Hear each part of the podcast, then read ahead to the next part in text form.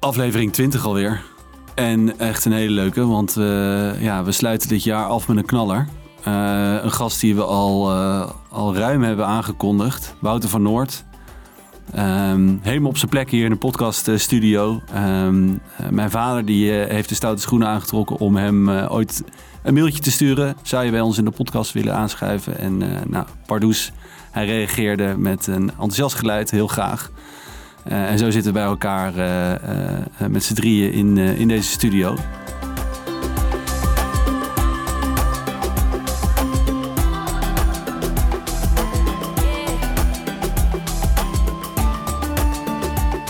Maar pa, vertel eens, waarom inspireert Wouter van Noord jou zo? Ja, Eigenlijk omdat ik hem al een tijdje volg. In de, in de zin van blogs lezen en en ook de podcast luisteren, met name Future Affairs. En met name ook weer van Future Affairs uh, het mysterie van het bewustzijn. Een onderwerp dat mij ongelooflijk intrigeert en waar ik ook over veel over lees en, en, en, en ja, boeken en dergelijke. Dus dat was uh, voor mij een, een, een, een aanleiding omdat ik vind eigenlijk dat in de natuur, diep in de natuur, als je daar jezelf in onderdompelt, dat je dan ook een, ja, als het ware, connectie maakt, verbinding maakt met het bewustzijn van de natuur. Uh, en dat is natuurlijk speculatief als dat, of dat er is, maar ik geloof daar wel in. Wat merk, wat merk je daarvan, als ik meteen even nieuwsgierig mag inbreken? Graag, uh, Wouter. Ja, dat, dat, dat, dat komt terug in de eerste instantie toen ik voor de eerste keer op trail ging, op de wildernistrail in, in Zuid-Afrika aan de rivier zat. En, eh, en dat was wel na drie dagen. je, je hebt een bepaalde incubatietijd nodig.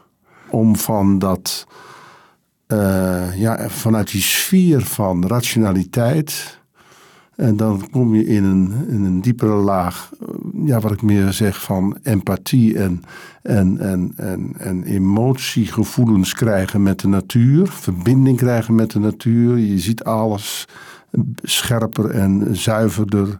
Uh, je zintuigen worden scherper. En dan komt die, ja, die onderslaag, dat, dat is een soort ja, genererende laag van eenheid en van oneness with nature, maar ook van dat je onderdeel bent van dat grote geheel. En dat is, en dat, dat, dat, en dat, en, die resonantie van, die, van het bewustzijn, van het diepe dat bewustzijn. Kan je, dat kan je op die moment in de natuur echt voelen. Ja. Ja. Oké. Ja, ja. dat kan ik echt voelen. En Wouter, ik, ik merk dat je journalist bent en gelijk vragen stelt. Maar de bedoeling is, zie je, dat wij jouw vragen stellen. Ja, en dat begint eigenlijk met een hele mooie, hele mooie eerste vraag.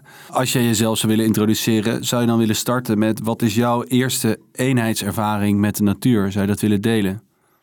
Een eenheidservaring in de natuur heb ik denk ik niet echt gehad. Uh, Zo'n verbondenheid met die natuur... Uh, op een ander niveau uh, heb ik al heel lang. Ik denk al sinds mijn vroegste jeugd. Uh, dat ik heel druk bezig was om bijvoorbeeld schelpen te verzamelen op het strand. Dan kon ik echt uren uh, over, over het strand lopen. Altijd als we op vakantie gingen, moest en zou ik naar het strand om schelpen te zoeken. En als we niet bij een schelpenstrand in de buurt uh, waren, dan ging ik fossielen zoeken bij een rivier. Maar altijd op zoek naar schelpen. Ik las boeken over schelpen. Kon echt, uh, totdat ik erbij in slaap viel, in van die pla platenboeken met schelpen zitten bladeren. Helemaal erdoor geabsorbeerd en altijd op zoek naar uh, nou ja, schelpen in de natuur. En dat ben ik toen heel lang vergeten. Uh, ik had nog wel wat schelpenverzamelingetjes thuis staan, maar ik was eigenlijk helemaal die fascinatie kwijtgeraakt. Totdat ik uh, vorig jaar op een sabbatical ging. Ik ben een half jaar met mijn gezin in een camper door Europa getrokken. En daar heb ik het eigenlijk weer een soort herontdekt. Heb ik ook weer, vooral op de momenten dat ik inderdaad, nou ja, een beetje echt zelf tot rust was gekomen en even mezelf had verzoend. Ook met die situatie van kinderen in een camper. Dat is natuurlijk niet alleen maar Disneyland. uh, maar ook uh, tijdens die reis heb ik nou eerst aan de rivier weer steentjes en fossieltjes gezocht. En daarna weer aan stranden hele mooie schelpenverzamelingen bij elkaar gelegd. En voor mij laat het zien dat die fascinatie die ik dus blijkbaar had in mijn kindertijd weer terug is. Ehm, en ik heb natuurlijk ook een beetje zitten denken en, en, en, voelen van... hoe komt het dan dat die dingen mij zo fascineren, die schelpen? En uh, dat komt toch neer op de vormen die die schelpen hebben. Omdat er zit iets heel dieps in die vormen van schelpen. Alleen al als je de wiskunde erbij pakt van uh, die schelpen, de draaiing van ja. uh, hoorntjes die volgen gewoon dezelfde eh, wiskundige formules als de draaiing van sterrenstelsels. Ja, ja, uh, je ziet in heel veel schelpen zie je die mooie fractal vormen terug. Die, die wiskundige patronen die overal in de natuur van onze longblaasjes tot de, tot de bomen terugkomen. Dus ik heb de laatste tijd ook een beetje zitten denken van, nou, volgens mij die kinderlijke fascinatie die ik toen had met schelpen en uh, het strand en ook ernaar zoeken, het meditatieve ervan. Uh, dat heb ik eindelijk weer een beetje teruggevonden. En dat is niet echt een eenheidservaring, maar het is meer ja, een teruggevonden fascinatie voor de natuur en voor die mooie vormen die erin voorkomen. Ja, prachtig. Ja. Ja, ja nu je dat zo vertelt, zie ik het beeld voor me van die, van die, van die spiraalvorm die maar, maar naar binnen gaat, naar binnen gaat, naar binnen gaat. Ja. En datzelfde beeld heb ik met, uh, met tijd. Eh, je kent waarschijnlijk het boekje van, van Joke Hermsen wel, Kairos. Ja. en dat, dat, dat, dat beeld van Kairos, van de in het nu zijn, er zijn, Heidegger. En, en dat je dan, ja, die, die, ik denk dat je, tenminste, ik zou het zo hebben met, met, met, met zo'n schelp en daarnaar kijken, dat dat een moment is van eh, wat, wat Plato geloof ik noemt nunc stans. Nu staan. Ja. Nu stilstaan. Nu beseffen. Het is een soort verticale tijd in plaats van chronos wat een horizontale tijd is. Ja. En je gaat ja, maar dat, dat, dat doet het schelpenzoeken zelf ook mee. Ja. Dat is ook een moment waarop je letterlijk in die zeenatuur bent aan het strand. Waarop je even niet... Je kunt niet nadenken tijdens het schelpenzoeken, want je moet opletten. Je moet echt een beetje uh, je aandacht erbij halen. En je ogen schieten ritmisch tik, tik, tik over dat zand. En het gaat niet eens of je uh, echt wat vindt. Natuurlijk is het altijd ook een mooi moment als je echt een gave schelp vindt... die dan ook weer in een mooie verzameling kan. Maar ja, dat, dat stilstaan van die tijd, dat ervaar ik wel heel duidelijk... als ik schelpen aan het zoeken ben. Ja. En uh, als je het hebt over die spiraalvorm, uh, ook misschien een soort oervorm is het bijna. Een spiraal waar alles uit voortkomt. En dat doet me een beetje denken, als jij nu al die mooie denkers erbij uh, haalt, dan ga ik er ook eentje bij slepen. Volgens mij was het Charles Darwin die zei: E conscious omnia. Dus uit schelpen ontstaat alles. En ehm, nou ja, dat heeft denk ik ook betrekking op die, die, die oervormen, die, die, die patronen die heel duidelijk zichtbaar zijn in die schelpen, ja. die je overal terugziet. En ja nou ja, die uh, voor mij ook een heel deel van het mysterie van de natuur en het mysterie van het leven nog wat tastbaarder maken. En uh, ik heb wel op andere momenten eenheidservaringen gehad, maar niet zo direct opgeroepen door de natuur. En eigenlijk een van de redenen waarom ik dacht, hey, leuk om eens een keertje met jullie te praten, is omdat ik zelf ook wel benieuwd ben naar die wilderniservaring. Ik hoor heel veel mensen die dat doen op nature trails en vision quest, die met de wildste verhalen thuiskomen over praten met vogels en één worden met de rivieren. Uh, ja, het is booming, hè? Het lijkt ja, we zaten er eh, goed eh, op, op, op de trend volgens mij. Ja, en, ja, ja, het laat ook wel zien dat er een grote hang is naar, naar natuur. En, wetenschappelijk bewezen. dat is dat moet, dankzij PhD's als uh, Boy van Droffelaar komt dat er wat dichterbij. Ja, ja, ja. ja, Jij ging op sabbatical. Je nam je kinderen mee. Hoe oud zijn ze? Nu twee en vier. En toen we vertrokken waren ze een half hoe, en uh, hoe, uh, bijna Je hebt ze natuurlijk geobserveerd toen je, toen je daar in die natuur was. Ja. En, en hoe heb je dat ervaren? Wat, wat zag je? Hoe de kinderen daar toen Ja, dat is een goede vraag. Nou, kijk, uh, die van een half die deed nog niet zoveel. Dus eh, dat was, uh, was weinig observeren en veel zorgen. Schone luier, wat? Ja hoor, het was ook, dat was prachtig, maar ook wel uitdagend bij vragen. Maar die van twee, ja, daar zie je natuurlijk echt die verwondering van in de natuur zijn. En eh, voor het eerst in de Alpen, in de bergen en helemaal uh, verwonderd om zich heen kijken. Ik kan me één plek heel levendig herinneren in uh, Zwitserland, Lauterbroenen. Ik weet niet of je er wel eens bent geweest, maar dat is echt alsof je in een Lord of the Rings landschap rondloopt met watervallen en nou ja, grote gletsjers, rotswanden die boven je uittorenen. Echt een klassiek, nou, een van de mooiste plekken waar ik überhaupt ooit op aarde ben geweest. En als je daar je kinderen ook mee naar boven neemt op die bergen en, en bloemetjes bekijkt en vlindertjes bekijkt. Ja, dat, het is wel heel mooi om met die ogen te kijken. En tegelijkertijd vond ik het soms ook wel heel confronterend. Er was één, één scène die nu in me heel erg levendig in me opkomt, waar ik ook wel uh, op andere plekken wat over heb verteld. In die uh, Alpengletsjers, we stonden bovenaan zo'n berg te kijken naar die gletsjers. had Olem, een zoontje van toen twee, op mijn arm. En toen drong echt tot me door hoe hard het smelten ging van die gletsjers. Dat ook nog eens een keertje in die zomer in een recordtempo uh, zich aan het voltrekken was. Zo snel dat volgens sommige modellen belangrijke gletsjers binnen een jaartje of dertig misschien wel helemaal zijn verdwenen. Ja. Dus op, op het moment dat Ole met zijn zoon daar zou kunnen staan, zijn die gletsjers misschien wel weg. En dat, dat was wel een hele doordringende ervaring van... hé, hey, eh, natuur is prachtig en kan inderdaad hele eh, mooie mystieke ervaringen... eenheidsgevoelens oproepen. Maar ik vond het door die natuur trekken met mijn kinderen ook wel heel confronterend in die zin. Omdat je, nou ja, het, via de kinderen echt tastbaar wordt. dat gewoon binnen een generatie uh, gletsjers weg zijn. Uh, dat je, we konden überhaupt de Alpen eigenlijk niet uit uh, tijdens onze reis vanwege de verzengende hitte daaromheen. Dat was gewoon overal 40 plus graden en nou, daar wil je niet staan. Dus we moesten wel de bergen op en het was uiteindelijk fantastisch. We hebben een hele mooie tijd gehad. Maar, ja. Zou je kunnen zeggen dat het je in je bewustzijn raakte? Ja, dat denk ik wel. En ik denk ook dat dat is überhaupt ja, het is echt geen baanbrekend inzicht of zo, maar wel de ervaring van het ouderschap. is dat je toch een soort verlengstuk hebt in de tijd. En dat, dat uh, je veel meer voelt, veel meer ervaart dat je in een uh, reeks van generaties staat. Dat, dat mijn uh, vader en zijn vader en mijn zoon, dat dat een continue reeks is. Ja. En dat wat er dus nu aan het gebeuren is in recordtempo met die natuur dat dat via mijn kinderen mijzelf ook direct raakt. Ja, ja. Dus wil het collectief geraakt worden, eh, eh, of, of het bewust worden van wat er aan de hand is, zouden meer mensen zich moeten laten raken. Meer moeten er echt aan de, ja, in hun ziel geraakt moeten worden voor verandering.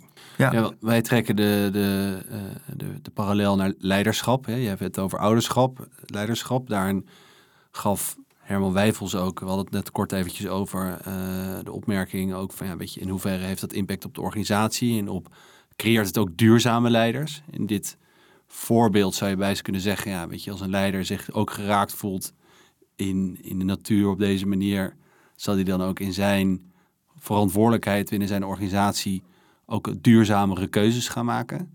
Maar zover zijn we eigenlijk nog niet, hè? Nee, of ze moeten het aan de lijf aan meemaken. Ik heb meegemaakt in Umvelosi. En ik zeg altijd uh, dat mooie, uh, die mooie frase van Le Leonard Cohen. There's a crack in everything and that's how the light gets in. Dus die crack die moet er komen. ja. En wij stonden daar, uh, daar liepen we toevallig op. Een, een, een, een rhino die de dag ervoor meedogenloos vreed vermoord was. Zo zeg ik het. Gewoon de, uh, kapot gemaakt voor die stomme neushoorn. Ja. Hè? waar mensen ergens in, in China denken, of weet ik van waar, uh, denken van dat je daar wat heilzame werkingen van hebt. Maar ze kunnen net zo goed op een nagels bijten, want het is hetzelfde spul. En, dat, en, en daar stonden we omheen. En al die grote, grote kerels, ik had een groep van kerels dit, grote bazen zeg maar, ja. stonden allemaal met tranen in hun ogen. Ja. Diezelfde keer, als ze dit verhaal in de krant hadden gelezen, dan was het een van de zoveel berichten geweest. Ja. En dat had het waarschijnlijk niet geraakt. Niet zo diep als nu. Nee, in die ervaring zit natuurlijk de transformatie. Ja. Uh, en uh, ik, ik ben wel optimistisch. Jij, jij, jij, jij lijkt nog wat. Uh... Ik, stelde, ik stelde vragen omdat, ik, omdat hij best wel scherp binnenkwam van Herman Wijfels toen Ja. bij jouw promotie.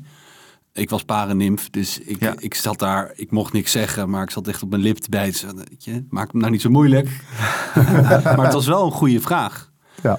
En ik moet er gewoon, het triggert me omdat, jou, omdat het jou heeft geraakt op de berg in, eh, in, in de Alpen, dat ik me afvraag inderdaad, creëert het ook eh, leiders die duurzame keuzes durven te maken? Kijk, wat, wat ik, wat ik eh, over mijn eigen ervaring kan zeggen, is dat, en dat is niet alleen maar die ervaring bij de Alpen, of niet alleen maar eh, het weer ontdekken van schelpenzoeken, niet alleen maar, ik, ik kan ook nog misschien nog iets vertellen over een eenheidservaring die ik wel gehad heb, eh, eh, met, behulp van een beetje psychedelica, eh, met truffels. Ja. Het is een optelsom van allerlei dingen. Het overlijden van mijn moeder, het vaderschap. Heel veel dingen samen. Ervaringen. Die wel samen op zo'n manier optellen dat ik zou niet. Ik zou echt niet meer iets willen doen wat heel slecht is voor de planeet. Ja. Ik zou niet meer uh, op dezelfde onbewuste manier willen leven ja. als ik daarvoor deed. En tegelijkertijd merk ik hoe lastig het is om dat voornemen echt te maken. Ja. Om uit die patronen te raken van dat denken, van die gewoontes, van die verslavingen die we hebben. Uh, ik heb mezelf wel twee, drie keer voorgenomen. Ik ga nu echt puur vegetarisch eten. Ja, ja er, er kruipt toch af en toe wel weer een beetje vlees in dat menu. En, ja, uh, ja, Nou, het is pragmatisch idealisme. Hè? Dus, maar, uh, maar ik denk dat wel de eerste stap inderdaad is die ervaring. Ja, die en, ervaring. En, en uh, die, die mannen die uh, stonden te huilen bij die, uh, bij die neushoorn. Ik denk dat als je ze nu vraagt, wat wil je? Wil je nu hetzelfde als je daarvoor wilde? Denk ik dat ze echt antwoorden van nee, ja. ik, ik, wil geloof ik echt iets anders. Zo wil ik iets anders. Ja. Het, het, het, is een mindset. Ja. Het, is, is een mindshift gebeurd. Ja. En, dat, dat, dat is, uh, en dat kom ik iedere keer weer tegen. Ja. Met, iedere keer als ik met mensen praat, man of vrouw, die uh, de wildernis en het hoeft helemaal niet naar Afrika te zijn hoor. Dat kan ook uh, een paar dagen uh, op de Wadden zijn of zo. Als die stilte er maar is, als die, uh, die rust er maar is, en dan, dan, dan gebeurt het. Het is misschien ook stoppen met denken of zo ja. dan, toch? Ja. Of niet? Ja. Het, het, het cognitieve moet je achter je laten. Ja.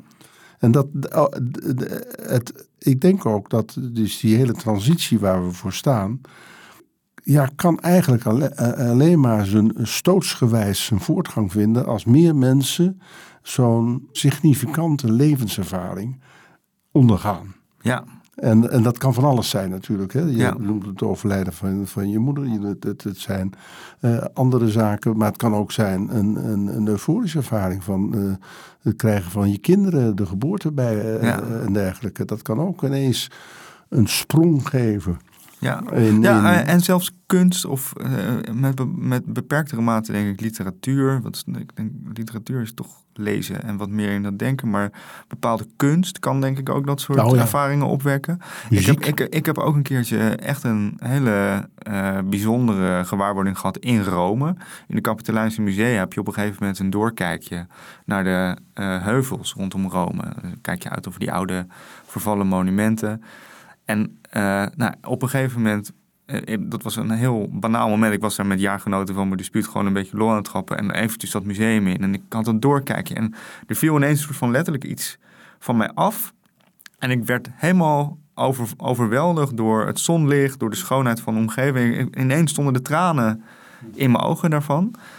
En ik denk dat dat ook wel meetelt als een soort ervaring van... hé, hey, wacht even. Dit, eh, op het moment dat je dat toelaat, als je jezelf opent... als je stopt met denken en echt die, die ervaring ingaat... en dat kan inderdaad op al die verschillende manieren... dat zijn al stapjes, denk ik, naar de, naar de verandering... die voor veel mensen wel, wel nodig is op dit moment.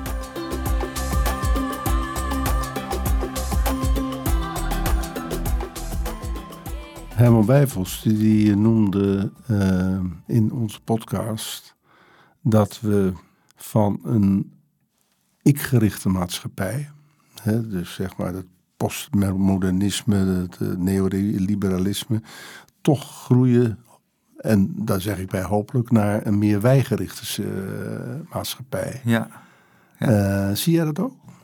Ja, en daarbij toevoegen, jij, schrijft veel over ook de, de ontwikkeling in de technologie. Ja. Zie je dat als een, als een, als een bijdrage daaraan of een, of, een- of een remmende factor daarin? Ehm, dat kan het allebei zijn, hè? Ja. Eh, het hangt er maar net vanaf hoe je het gebruikt. Technologie is niet neutraal. Het, eh, eh, ja, je kan een bel gebruiken om een boom mee om te hakken... om iemands hersenpan mee in te hakken. Dus de waarden die je in technologie inbakt... en dat wordt alleen maar belangrijker naarmate die technologie meer kan... zoals kunstmatige intelligentie... maakt nogal uit voor welke wereld je daarmee eh, helpt creëren. En eh, eh, een denker die ik heel interessant vind om hier een laagje dieper over na te denken is Andreas Weber, een Duitse filosoof. Die heeft een aantal jaren geleden een heel mooi boekje geschreven, Enlivenment. Volgens hem moeten we van de enlightenment, de verlichting, naar de enlivenment. Dus Hm. de periode waarin we, nou ja, niet zoals in de verlichting, eh, vooruitgang, technologie en wetenschap gebruiken om onszelf boven en buiten de rest van de natuur te plaatsen. Om die natuur te beheersen, om de natuur in hokjes in te delen en die steeds verder uit te pluizen. Eh, vanuit het idee dat je daarmee de realiteit wel eh, leert begrijpen. Ik bedoel, het is eigenlijk heel logisch dat dat niet zo is. Ik bedoel, als ik, als ik van jou een vinger afhak en daarna een oor en daarna je neus... en ik ga helemaal uitzoeken wat het is en ik ga eindeloos zo door met alle lichaamsdelen die je hebt... weet ik dan wie boy is? Denk het niet. En eh, wat hij voorstelt is een veel verbondener, eh, symbiotischer manier van kijken naar die natuur. En eh, ook een wereldbeeld wat bijgesteld moet worden aan de bevindingen in de wetenschappen op dit moment. Ja, ja, En ik denk dat als je zo'n wat, wat symbiotischer wereldbeeld ja, gebruikt om technologie te ontwikkelen, ja. Dat je hele spannende toepassingen kan bedenken. Dat je met kunstmatige intelligentie bijvoorbeeld ook eh, een soort Google Translate voor eh, dierentalen kunt maken. Dat, dat gebeurt nu al bij, in bepaalde onderzoeksgroepen. Dat Ja. ze bijvoorbeeld walvissentaal proberen te ontcijferen met kunstmatige intelligentie. Ze ook Ja. patronen ontdekken. ja. Nou ja, als je een interface zou kunnen bouwen tussen eh, de rest van de natuur en mensen met technologie, denk ik dat je prima bezig bent. Hm. Alleen, volgens mij zie je nu dat technologie heel vaak wordt gebruikt om dat verlichtingswereldbeeld te optimaliseren en steeds efficiënter te maken. En de extractie, de extractie niet alleen maar van olie en gas uit de grond, maar ook van data uit ons. En eh, als je dat extractieve eh, beeld eh, door laat gaan, ja, dan komen we wel echt in de shit terecht. Dus ja, ja. te- de- de- technologie aan zich is niet een oplossing of, een- of, een, of een probleem, maar de manier waarop je het gebruikt maakt nogal veel uit. Ja. Nee, je, je, zegt, je geeft terecht aan dat vanuit Descartes en, het, en, het, en de verlichting en het separatisme ontstaan is dat we ons verheven voelen boven de natuur en maar kunnen gebruiken. Ik denk dat het al iets ouder is, eerlijk gezegd, dan Descartes. Descartes is altijd zo'n zo'n favorite villain die er dan bij wordt ge- Ja. gehaald. Van, en, en ik denk dat zijn denken over het scheiden van materie en, en geest inderdaad heel, eh, heel belangrijk is geweest in het vormen van het verlichtingsdenken. Net zoals het denken van Newton heel bepalend is geweest voor een soort natuur- en kosmosbeeld van een enigszins voorspelbare machine die als we daar eh, maar genoeg wiskunde en, en, en, en eh, telescopen tegen aangooien, dat we het dan wel zullen snappen. Ja. En, eh, maar ik denk dat dat denken een soort turbo heeft gezet op een, op een filosofie die al eigenlijk sinds de opkomst van de eerste religies eh, populair werd.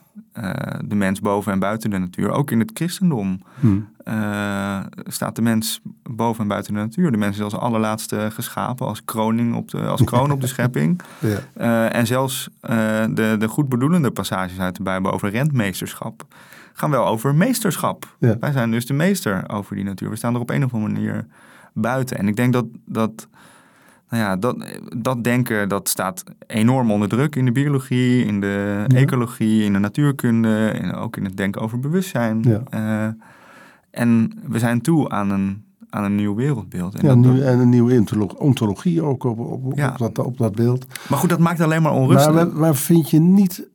Ja, ik zit zo eh, in, die spannings, in dat spanningsveld als ik naar de wereld kijk van nu. Met al die autocratische bewegingen die maar opkomen.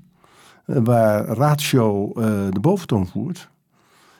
En dat Ja, nieuwe, dat, en nieuwe dat geboren wil worden. eh, kan dat zich wel ontpoppen in deze wereld? Ja, nou, dat is de million dollar question. Ik ben- ik ben daar niet per se gerust op. Ik ben wel hoopvol dat het kan. Ja. En ik denk dat je het ook al geboren ziet worden. Dat er al op allerlei plekken pioniers bezig zijn met het gebruiken van technologie op een symbiotische manier, uh, zichzelf organiseren om de natuur te herstellen. En dat, dat, dat, uh, we hebben het, misschien drijven we ook wat af richting de hele hoogdravende ideeën over natuurbeelden en ontologieën. Maar het is gewoon super tastbaar. Ik was laatst in Reduzum in Friesland, of all places. Waar ze gewoon samen met de hele buurt, uh, een dorp, waar ongeveer uh, 90% van de bewoners lid van, van de dorpsvereniging is. En die vergroenen de wijk samen. die hebben elektrische deelauto's samen. Die hebben een windmolen met het dorp opgericht. daar, daar begint het al mee. Dat, dat is echt een hele andere manier ja. van denken. En maakt mij hoopvol dat die transitie, die, die, die omslag die nodig is, eigenlijk stiekem op heel veel plekken al is ingezet. En misschien zelfs wel op zo'n manier is ingezet dat, nou ja, tenzij die echt actief wordt tegengewerkt door, door uh, uh, mensen die bijvoorbeeld net in Den Haag zijn verkozen, uh, bijna niet te stoppen is. Omdat het, het, is, het is een natuurlijke golfbeweging die al lang in gang is gezet. Ja, ja. ja ik, dat sluit er mooi bij aan. Ik had Laatst zag ik een, een, ehm, een uitspraak van Prigorin. Ik weet niet of je dat zegt, maar dat is een Nobelprijswinnaar in de chemie. Kijk, en uh, een Russische afkomst, maar hij is een Belgische, uh, Belgische uh, Nobelprijswinnaar. En hij zegt: wanneer een systeem fors in onbalans is, hebben kleine eilanden van, samenwerk, van samenhang in een zee van chaos het vermogen om het hele systeem naar een hogere orde te tillen. Ja, en dat, dat zijn ideeën vanuit de chemie die die doet. Of, ja, of, of, of, of gebruikt dat voor de samenleving? Gebruikt u metaforisch voor de ja. samenleving. Ja. He, dus je hebt die chaos. He, ja. en, en, en, Jan Rotman zegt dat. Omarm de chaos. Ja. In een transitie, daar hoort chaos bij, zegt hij. Maar voel je niet machteloos, want er zijn allerlei eilanden. En dan haal ik daar nou, Ik vind die eilanden een heel mooi beeld. Ik vind, uh, dat leen ik ook een beetje van, uh, van Jan Rotmans, de onderstroom en de bovenstroom. ook een mooie uh, tegenstelling. Is dat als je in deze tijd je blind staart op de bovenstroom, dus de mainstream van uh, grote instituties, van overheden, van grote bedrijven, misschien ook mainstream media, um, dan kan je nogal eens cynisch worden van, ja. ja. dat oude denken, dat lijkt wel heel erg verstart. En ja. dat, dat, houdt de, dat houdt de nodige vernieuwing toch wel tegen. Terwijl als je kijkt naar de onderstroom, van die pioniers, van die start-ups, van de, de, ook, ook een beetje de, de weirdo's. En de, ja. de, de, er zitten natuurlijk ook wel uh, wat spannender bewegingen in die, die zich afzetten tegen de, de dominante systemen. Ja.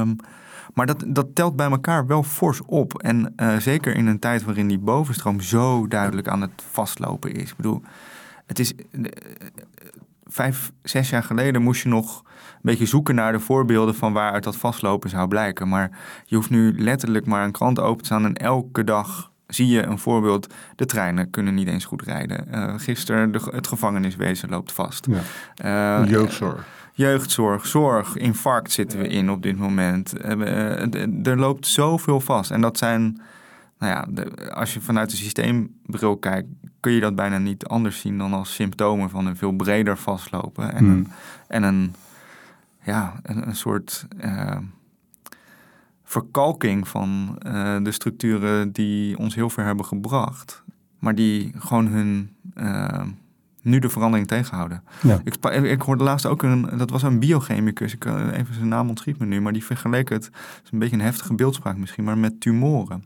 Ja, ja. Dat de huidige instituties die we hebben, op een gegeven moment ook een beetje gaan parasiteren op de rest van de samenleving. Omdat ze zichzelf in stand moeten houden. Omdat ze het, het, het bloed uit uh, uh, de samenleving, wat normaal gesproken vrij zou kunnen stromen, ja. uh, vasthouden en, en, en omzetten in iets wat helemaal niet productief en uiteindelijk heel destructief is. En ja, we zijn misschien toch wel op een punt dat we een soort therapie nodig hebben om dat vastlopen in die bovenlaag ja. ook een beetje tegen te gaan. Maar er gebeurt ook gelukkig in ja, die onderstroom heel veel. Er gebeurt ontzettend veel. Ook internationaal zou ik durven zeggen. He, met, uh, we hebben natuurlijk de SDG's, hè, Sustainable Development Goals. Ja. En uh, daar is, uh, dat zijn mooie doelen. Dat is het wat. En toch is er in Scandinavië een beweging ontstaan, die ken je waarschijnlijk wel, van de Inner Development Goals. Ja. Van hoe bereiken we dat nou? En Ja. daar is vooral die mindshift voor nodig van de beïnvloeders van in deze wereld. En wat, wat, wat zijn de grootste gedachten achter die inner development goals? Want ik heb er zo in het voorbijgaan wel eens van gehoord. En wat ik er vooral uithaal is dat de sustainable development goals belangrijk zijn, maar uiteindelijk vooral gaan om de buitenkant en ook nogal leunen op het bestaande systeem. Ja. En dat die inner development goals ook gaan over die innerlijke transformatie. Ja. Je zou het, ja, ik, ik ben niet zo'n fan zelf van het woord spiritueel, maar dat is denk ik het- toch het- waar het over het, gaat. Het is niet esoterisch en, en, en spiritueel bedoeld, maar het is veel meer eh, het accent leggen op, op welke vormen, welke tools zijn er nou om een mindshift te bewerkstelligen Mm. in de Ja. samenleving. Ja. Of, en dan beginnen we gewoon maar bij de leiders of de beïnvloeders. Ja. Want dat, dan krijg je een ripple effect door de organisatie heen. Die pikken dat op. En, dat, dat, en daar hebben ze een hele toolbox voor ontwikkeld. Ja. En die, in die toolbox daar vindt eh, het, het, het gebruiken van, eh, ja, gebruiken is geen goed woord, maar het, eh, het binnengaan van de natuur eh, op een verantwoordelijke manier en daar ins- als inspiratiebron te gebruiken, vindt een hele belangrijke plek daarin. Ja, en die ervaring kan ik me voorstellen. Want dat, dat is wat, Ja. eh, voor zover ik weet, bij de meeste mensen die eh, zelf zeggen dat ze een soort innerlijke transformatie eh, hebben doorgemaakt. Ja, dat, dat krijg je dus niet uit een boek of uit, uit, uit toolboxes, maar dan moet je gewoon zelf, eh, Moet je zelf doen. ervaren. Maar ja, ja. Er, moet, je moet, er moet wel iets aangereikt worden. Ja. Van hè? En dat, eh, Ja, maar eh, waar ik misschien wat sceptisch over ben, is dat het gebruik van zo'n term als toolbox suggereert dat, je, eh, dat die inner development goals nog steeds in dat oplossingsdenken zijn geworteld. Van als we dit doen, dan gebeurt dat. Ja. Terwijl volgens Ja, mij. denken, ja. Ja, en volgens mij leren we juist uit die natuur. En als je daar wat, wat, wat dieper naar kijkt, is dat dat een totaal verkeerde manier van kijken is. Omdat als je in de natuur ergens op drukt, dan komen er op vijf verschillende plekken komt er iets anders naar boven. Hmm. De natuur is fundamenteel onvoorspelbaar, onbeheersbaar, onbedwingbaar. Ehm, en ehm, ja, dat mechanische denken, algoritmische denken, als dit dan dat. Dat veroorzaakt vaak meer problemen dan het oplost. Dus, Ja. Wat mij wel eh, optimistisch stemt, is dat, we, dat je net al aangaf dat waar wij het dus al twintig afleveringen eh, over hebben, is leiders mee de natuur innemen voor een subjectieve eerste persoons leerervaring. Die je niet van tevoren kan aangeven wat je aan de achterkant eruit haalt. Dus als wij mensen meenemen de natuur in, dan kan ik niet zeggen: dit is wat je bereikt, dit is het inzicht wat je krijgt, dit is het moment dat je iets ervaart, iets tegenkomt. Dat is voor iedereen anders.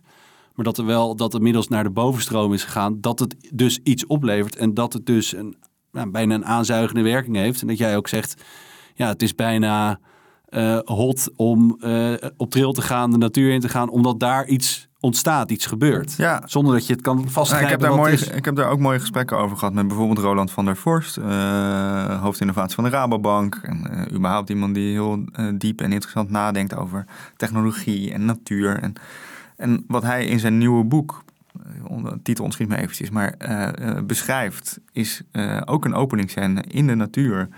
Waarin die ook nou ja, eerst heel erg worstelt met het loslaten van het denken. Maar daarna echt in een andere laag terechtkomt. En ja, ik kan me niet aan de indruk onttrekken. Volgens mij is er bijna geen boardroom meer waar niet iemand of een nature trail of een vision quest of een keertje een ayahuasca heeft gedaan. Het is natuurlijk wel, ja, je moet ook, eh, ehm, ook daar voel ik twee verschillende dingen bij. Heel goed dat het de mainstream inkomt.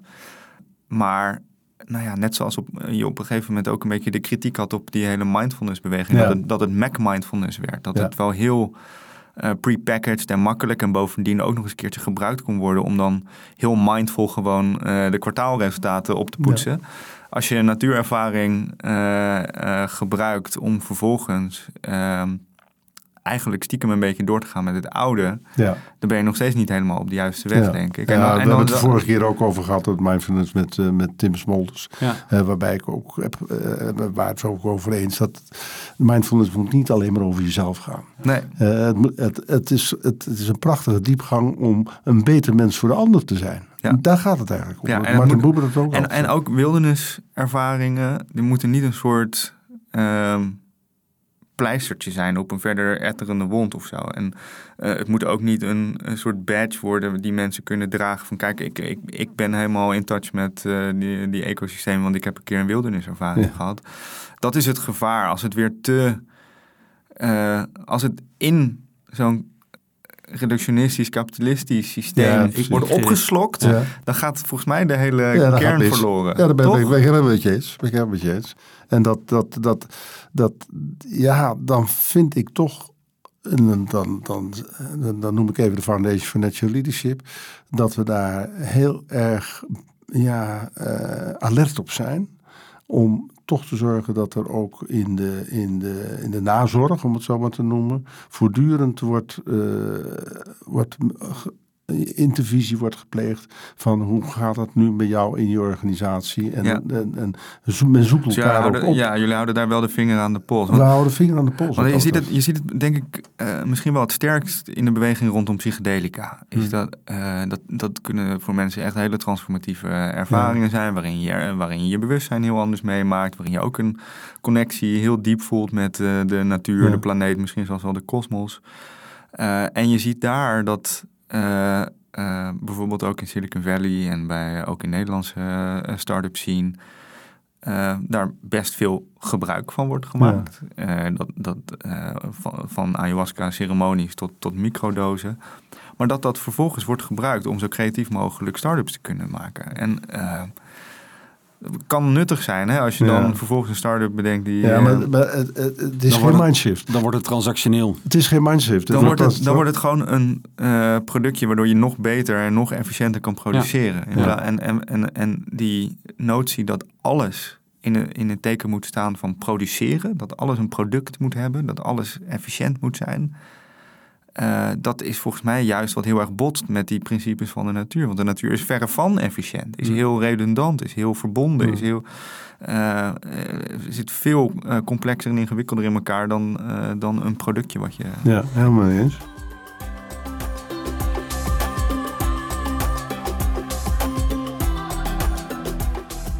En, en, en, en zo'n ayahuasca-ceremonie is maar een korte periode. Ja. Hè, terwijl je eh, een transformatieprogramma in de natuur, dat is vier maanden. Ja. Hè, met Kan het zo, is voorbereiding. dat zo lang? eh, Ja, voorbereiding. Dat- Een intakegesprek. Ja. Hè, wat ongelooflijk belangrijk is. Ik heb mensen geweigerd om mee te gaan. Omdat ik vond dat ze met de verkeerde, ja, met de verkeerde houding die natuur in gingen. Ja. En, en, en, en dat is niet goed voor mezelf, is niet goed voor de groep. Ja. En, eh, en dan is er een, een foundation eh, workshop waar mensen elkaar leren kennen. Hè? En, eh, en daar worden ook wat oefeningen in gedaan. Om, oh, heel simpel, om beter naar elkaar te luisteren. Ja. En we sturen iemand met z'n tweeën op pad. Dan gaan we een uur lopen in het, hier in het bos, want het is altijd in een bosomgeving.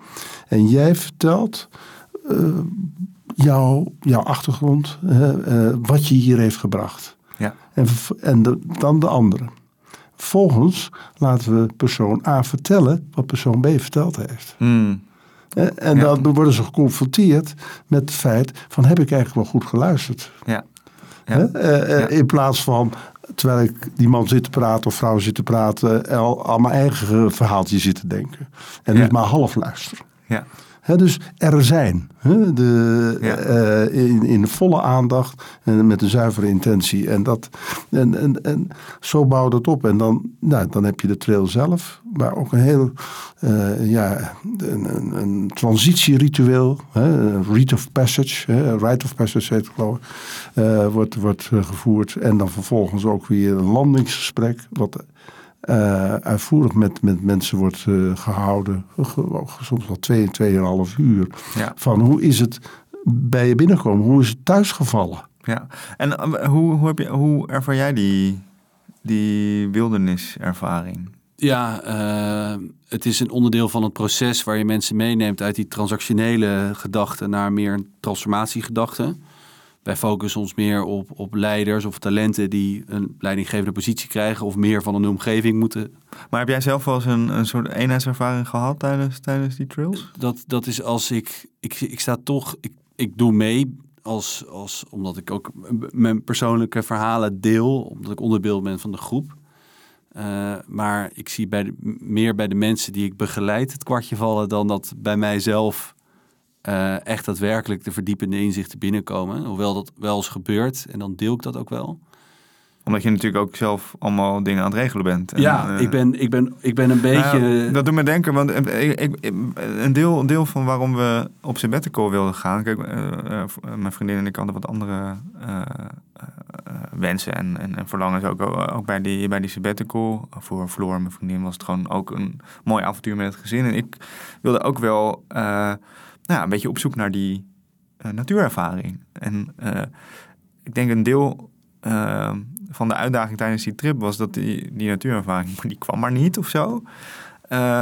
Ook omdat je de hele tijd bezig bent met een gezin runnen en zorgen voor kinderen. En nou ja, toch niet in de mindset bent, zoals wat, wat Boy net beschrijft, na drie dagen helemaal stil. Bij, daar moet je bijna echt in je eentje voor op retraite om, om daar te komen misschien soms. Dus ik kan me wel voorstellen dat het bij jou ook... Uh... Dan, is het, dan is mijn gedachteproces toch heel erg bij de ander. En het dienen daarvan en, en, en te begeleiden in zijn of haar proces. Omdat ik daar... Die personen ken ik al heel goed. Er, zit een heel voortraject aan, eh, gaat daaraan vooraf. Um, uh, dus daar ben ik heel intuïtief mee bezig. Terwijl ik ook natuurlijk mijn eigen dingen deel en, me, en, en, bepaalde dingen introduceer. En dat heel persoonlijk ook maak. En daar ook mensen in meeneem. Um, dus, dus op, een, op een trail die ik begeleid, zijn die, die eenheidservaringen, ja, is het meer uh, de, uh, de, de, ja, euforie is, ja, is ook wel een, mooi, ja, wel een mooi woord ervoor die ik ervaar als ik echt zie dat bij mensen het kwartje valt. Dat ik denk, ja, nu gebeurt iets bij je waarvan ik zeker weet dat ik je over een jaar daarnaar kan vragen en dat het precies dat moment weer terug, kunnen terughalen. Oh ja. En dat, is, dat is heel gaaf om te zien, omdat je dan ook heel veel verbinding voelt met die persoon. Omdat je echt ziet dat met de worsteling die hij meemaakt, of een vraag waar hij mee zit, of eh, een, een enorme drempel waar hij al, al, al heel lang tegenaan zit te hikken, dat dan in één keer iets, iets gebeurt. De crack waar mijn vader het over hebt, dat, dat zie ik dan gebeuren. Ja, daar, daar, daar, daar ga ik altijd met heel veel empathie uh, mee om. Dat, vind ik dan, dat is voor mij de, de, de, ja, de, de, de echte de piekervaring, zoals mijn vader dat omschrijft in, mm. zijn, uh, in zijn proefschrift. Ja, en, en wat je net zegt, Niek, het is uh, wat ik ook als facilitator altijd uh, ja, ervaren heb, is het die intuïtie. Jouw eigen intuïtie van moet ik nu interveneren of niet? Vaak is het helemaal niet nodig, want de natuur is zo ongelooflijk krachtig als spiegel, als, als, als inter, interveneren eigenlijk van, van alle mensen. Maar soms, ja, ik denk dat dat toch ook weer door die, bewustzijn van de natuur waarmee ik in cadans ben. Uh, en dan, uh, ik heb een keer gehad dat op de vierde dag iemand even op de rand van de rots zat. En ik ging bij hem zitten en het enige wat je hoeft te vragen, hoe gaat het? Hmm. En dus allemaal niet te ingewikkeld, maar hoe gaat het? Hij vertelde me later in het landingsgesprek, dus weken later, hij zegt, boy, je had niet op het meest, je had niet je had geen ander moment moeten kiezen. Het was precies het juiste moment om mij die vraag te stellen: hoe, gaat het? En is daar ratio voor? Geen idee. Het was gewoon, ik voelde. En, en dat gebeurt. Nou, ik, als je me dit uh, drie, vier jaar geleden had uh, verteld. Uh, over dingen zoals synchroniciteit en zo, dan had ik iets anders gekeken. Dan had ik iets sceptischer erin gestaan. ik denk eigenlijk wel dat dat dat het zou moeten kunnen. Dat als je uh, dat denken stopt ja. en inderdaad meer in die, uh, in die natuurlijke stroom of zo terechtkomt, dat er dan ook dat je beter voelt wanneer je dingen moet doen ja. en dat er ook meer op je pad komt ja. en dat dat uh, in ieder geval zo kan lijken dat er toevallig allemaal goede dingen gebeuren. Ja, ja ja, ik, dan, dan refereer ik aan Bernardo Kastrop, die je natuurlijk ook goed kent. Maar dat, dan denk ik dat mijn grenzen van mijn, van mijn, van mijn zintuigelijke vermogens... Uh, hij noemt dat dan de, de, dissociatiegrenzen, dat die dan toch wat, ja, wat poreuzer worden. Dat zou kunnen. En, ik, en, en, dat, dat, je daardoor meer resoneert met het bewustzijn van de natuur nou, en dat er meer binnenkomt. Kijk, ik heb uh, Bernardo heel hoog zitten en vind wat hij uh, doet super interessant. En uh, na een gesprek wat ik met Jessica van der Schalk voor mijn podcastserie Future Vers met hem heb gevoerd, moest ik echt even, even bijkomen hm. van, jeetje, wat, wat, wat zegt hij eigenlijk? En wat hm. betekent dat voor, ja. voor mijn wereldbeeld? En misschien is het niet nodig om allerlei metafysische aannames te doen, maar is het gewoon een kwestie van openstaan openstaan voor wat er op je afkomt. En, en daardoor intuïtiever kunnen reageren op alle signalen die je sowieso al binnenkrijgt. Uh, om, en op die manier een beetje uit dat te smalle, controlerende uh, gewoonte, verslavingsdenken te komen. Als je open staat en de natuur kan daarbij helpen, uh, meditatie kan daarbij helpen, ehm, dan komen er meer dingen op je af. En misschien hoef je niet eens dan te geloven dat alles bewustzijn is. Zeg maar. ja, ja. dat wij manifestaties zijn. Uh, Kijk, hij gaat daarin heel ver. En ja. uh, wat een van de dingen die ik de laatste jaren vooral probeer, ook in mijn journalistieke werk, en dat is, dat is als journalist nog niet eens zo heel makkelijk, omdat het een vak is wat heel erg draait om weten is om dat niet weten er ook te laten zijn. En dat mysterie hmm. over wat, wat bewustzijn is en hoe kunnen dingen, wat is eigenlijk de, de, de, de wat is leven? Dat weet je, dat, daar is niet eens een goed wetenschappelijke, een goede wetenschappelijke definitie van. Um, dat mysterie er laten zijn, dat niet weten uh, er te laten zijn. Uh, misschien is dat wel het begin van het openen van die ervaring die, die je meer in contact brengt met uh, andere mensen, je omgeving en uiteindelijk de natuur en wie weet wat daar nog boven zweeft. Ja, toch? Ja, maar ik ben het helemaal met je eens. Dat, dat openstaan, dat zeggen we ook altijd tegen de mensen die met ons meegaan. dat, dat, uh, dat, dat die open mind, maar ook een open hart. Ja. En, en dan kom je bij de U-theorie van, van ja. Otto Scharmer terecht en de open wil. En daar, dat, daar zit het diepste. Hè? Dat is misschien en dan kom je ook weer bij die wil van Schopenhauer terecht. Die, dat, ja. dat is ook weer die. Ja, dat, dat wij niet weten. Dat, en dat, toch opborrelt dan. Ja. Dat zich. Het zit wel in ons. Het, het, het ontvouwt zich. Nou ja, en dat is misschien ook om het verhaal een beetje rond te maken. Misschien ook wat dat herontdekken van dat schelpenzoeken ja. uh, met mij heeft gedaan. Is het zat dus altijd al in mij om hier een fascinatie voor te hebben en om uh, eindeloos te kijken naar die vormen. En uh, toen helemaal niet, toen ik 6, 7 was, wist ik echt niet wat een fractal was. Maar het was er al wel, het zaadje was, was er al. En blijkbaar moest ik er even helemaal van afgeleid raken en het weer een beetje vergeten en het weer herontdekken mm. om dat te gebruiken als een soort springplank om nou ja, ook weer een soort zelf in een volgende ontwikkeling te komen. Ja, prachtig. Ja, mooi. Prachtig, nou ja, dat is hoe mooi het kan je het krijgen. Het verhaal weer helemaal rond. dan weet je dat je met de Misschien wel spiraalsgewijs nog wel ja, een beetje. spiraalsgewijs richting uh, een, iets wat nog onwetend is en waar we ons in zouden moeten berusten. Maar ik denk dat we in dit prachtige gesprek alweer een heel klein stukje wijzer zijn geworden met z'n drietjes over uh, nou, alle mooie onderwerpen waar we over lezen, over schrijven en ditmaal over spreken. Dus Wouter, heel erg veel dank voor je komst. Graag gedaan, was leuk. Ja.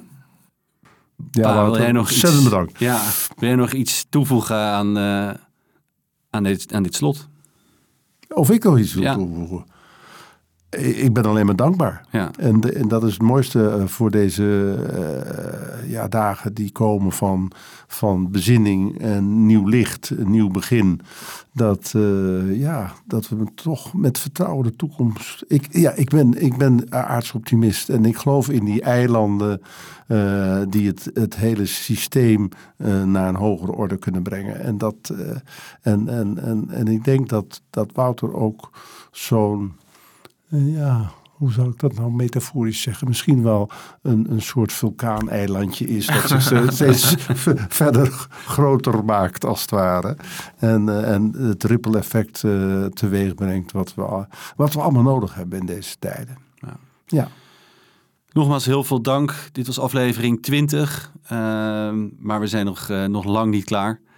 Uh, zeker nog meer, uh, er zit nog zeker nog meer aan te komen en uh, tot in het nieuwe jaar. En vergeet niet, we hebben een website. Oh ja, ja natuurlijk. Noem hem even.